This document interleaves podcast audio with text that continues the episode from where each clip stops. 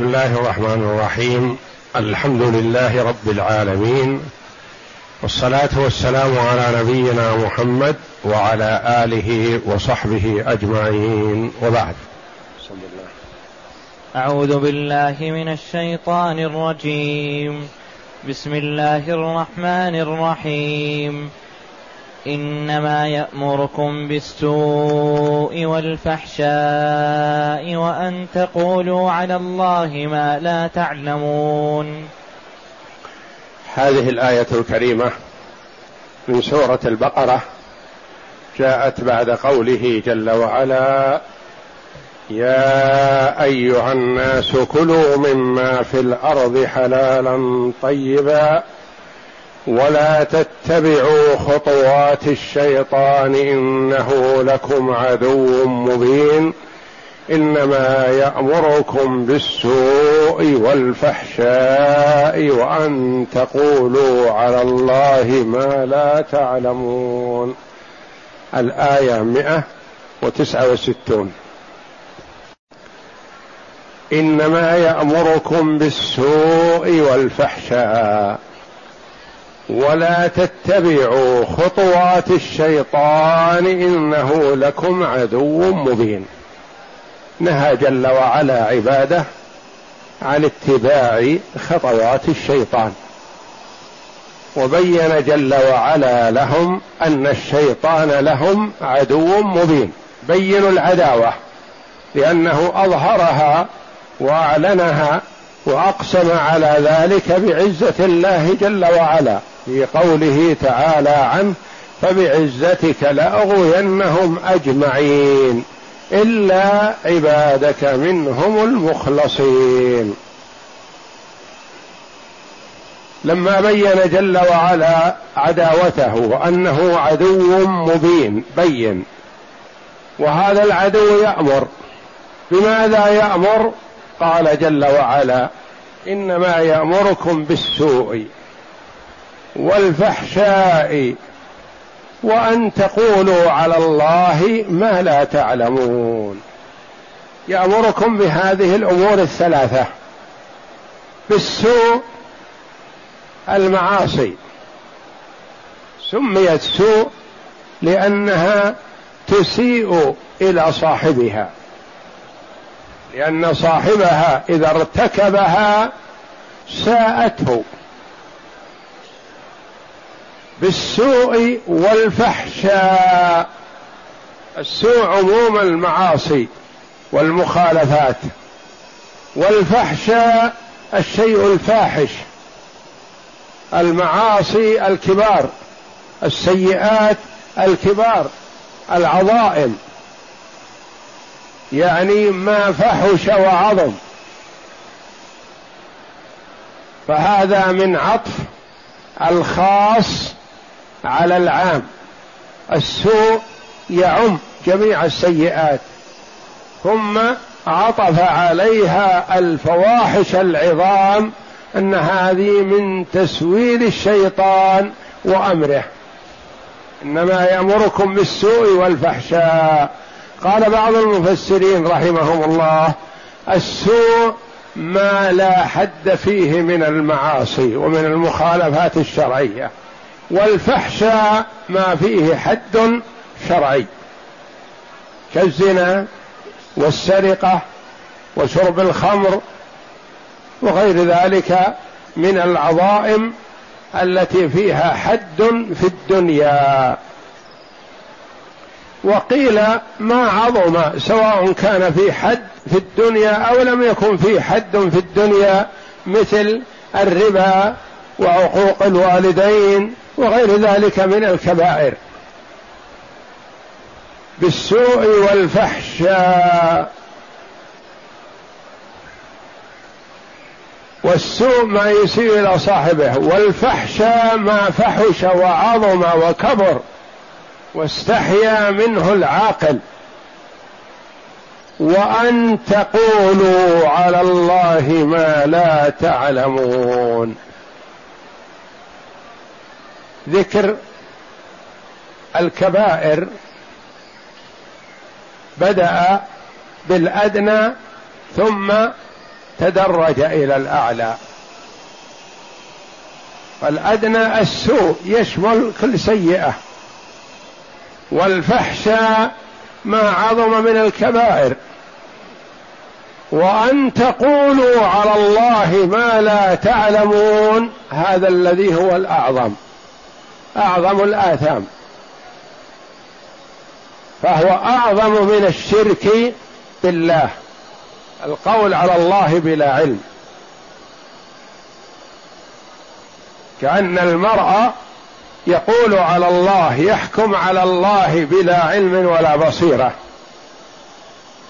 وأن تقولوا على الله ما لا تعلمون. هذا من أعظم العظائم بل هو أعظم الكبائر على الإطلاق وهو أعظم من الشرك لأن المشرك يعبد الله ويعبد معه غيره فشركه اثمه عظيم لكن القول على الله قالوا أعظم من الشرك بالله لأنه مع الشرك بالله وعبادة الهوى فيه حكم على الله جل وعلا. كأن المرء يحكم على ربه تبارك وتعالى بكذا وكذا. وأن تقولوا على الله ما لا تعلمون. يدخل في هذا أمور كثيرة. يدخل في هذا تحليل ما حرم الله. وتحريم ما أحل الله. يدخل في هذا وصف الله جل وعلا بما هو منزه عنه. يدخل في هذا نفي ما أثبته الله جل وعلا لنفسه أو أثبته له رسوله صلى الله عليه وسلم. هذا كله من القول على الله بلا علم. يدخل في هذا البدع لأن المرأة يأتي بالبدعة على أنها من الشرع فهو قول على الله بلا علم. وأن تقولوا على الله ما لا تعلمون. تقولوا على الله بلا علم. أما القول على الله جل وعلا بما جاء في كتابه أو على لسان رسوله صلى الله عليه وسلم فهذا من بيان الشرع المأمور به شرعا أن الإنسان يقول إن الله أمر بكذا وإن الله نهى عن كذا وإن الله حكم بكذا وأن الله وصف نفسه بكذا وأن رسول الله صلى الله عليه وسلم وصف ربه بكذا. هذا قول بعلم وبصيرة ومعرفة. وهو من بيان أهل العلم الذين هم ورثة الأنبياء. وإنما المحذور هو أن يقول المرء على الله جل وعلا بلا علم يعني من تلقاء نفسه. أو يأتي بشرع لم يشرعه الله جل وعلا ولا رسوله صلى الله عليه وسلم. وأن تقولوا على الله ما لا تعلمون. ما لا تعلمون أنه من الشرع. يدخل في هذا الافتاء بغير بصيرة ولا علم. ويحرم على المرء أن يقول على الله بلا علم.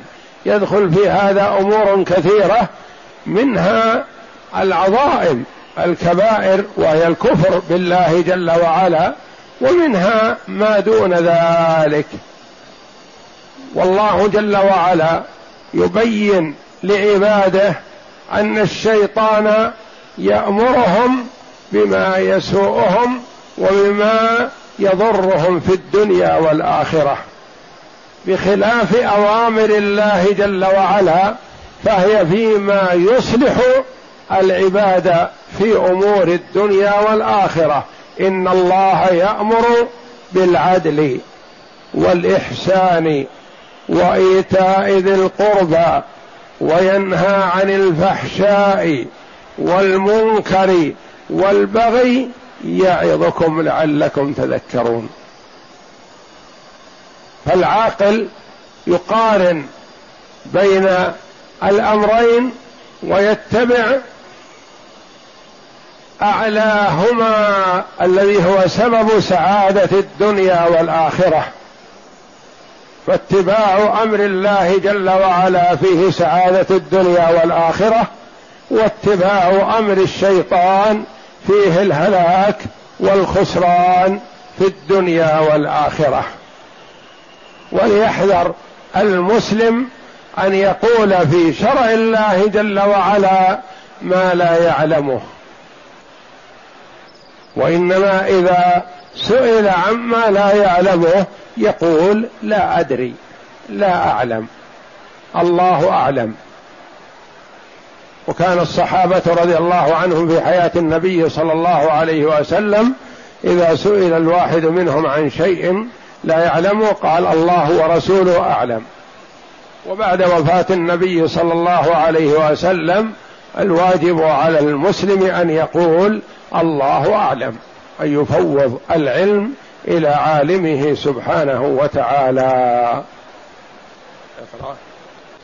وفي قول الله تعالى إنما يأمركم بالسوء والفحشاء وأن تقولوا على الله ما لا تعلمون أي إنما يأمركم عدوكم الشيطان بالأفعال السيئة وأغلظ منها الفاحشة كالزنا ونحوه وأغلظ من ذلك هو القول على الله بلا علم.